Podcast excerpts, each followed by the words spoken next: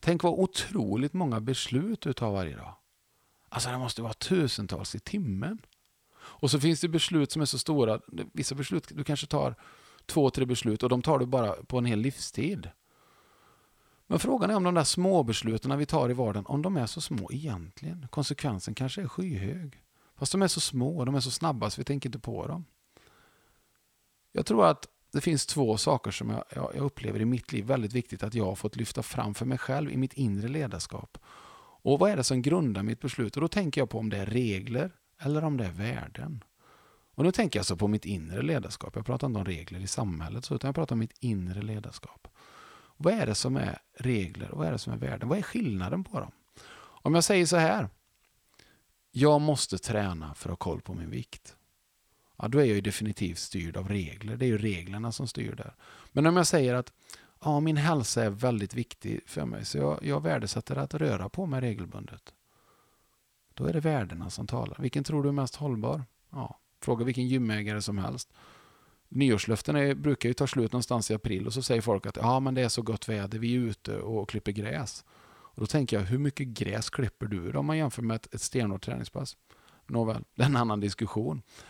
Men jag tänker så här att, jag brukar ta ett exempel när, när jag har en föreläsning, så, så brukar jag gå ut i publiken oavsett vilka det är. Det kan vara åklagare, det kan vara hemtjänst, det kan vara bilbyggare, precis vad som helst. Så går jag ut i publiken och säger, hej på er, jag heter Lasse Karlsson.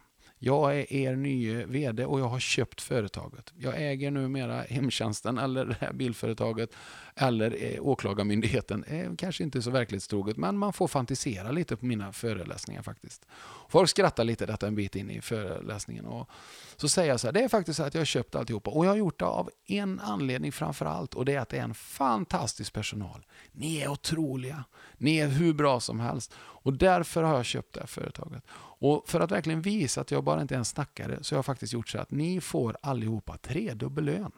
Ni får tredubbel lön från och med idag. Hur känns det? Och då är folk med på noterna och spelar med och garvar. Ja, det är kanon, det är rättvist. Ja, det är klart.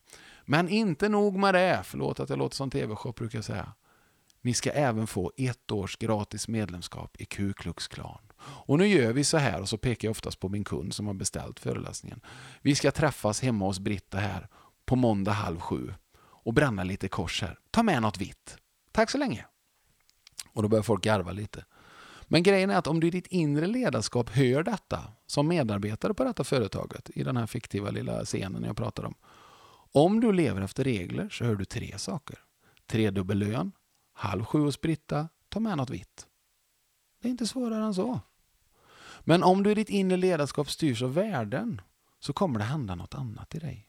Du kommer höra tredubbel lön. Vad säger du då? Helt rätt. Känns bra, rättvist, det är jag med på. Sen kom det här med Ku Klux Klan. Och då började du tänka, vad står de för? Och vad säger mina värden? Och i mitt fall tänker jag, är det de skarpaste knivarna i lådan? Liksom?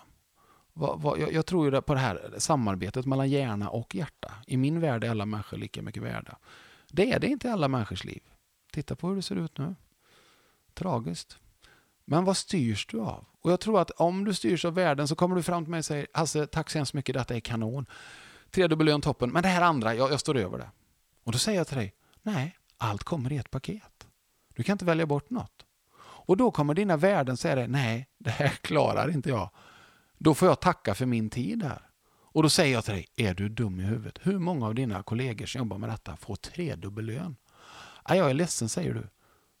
Men det, det klarar jag. Inget ont om Britta eller, och jag har inget emot vita kläder. Men just det med Ku Klux Klan de står för. Jag klarar det inte. Tack för den här tiden. Du tar dina värden och så går du vidare. Och det är det här som är en sån stark skillnad. Reglerna de sätts av andra, de kommer utifrån, de böjs lätt och de är svartvita. Och, men dina värden, de kommer inifrån dig. Du kan lyssna på dem, du kan umgås med dem.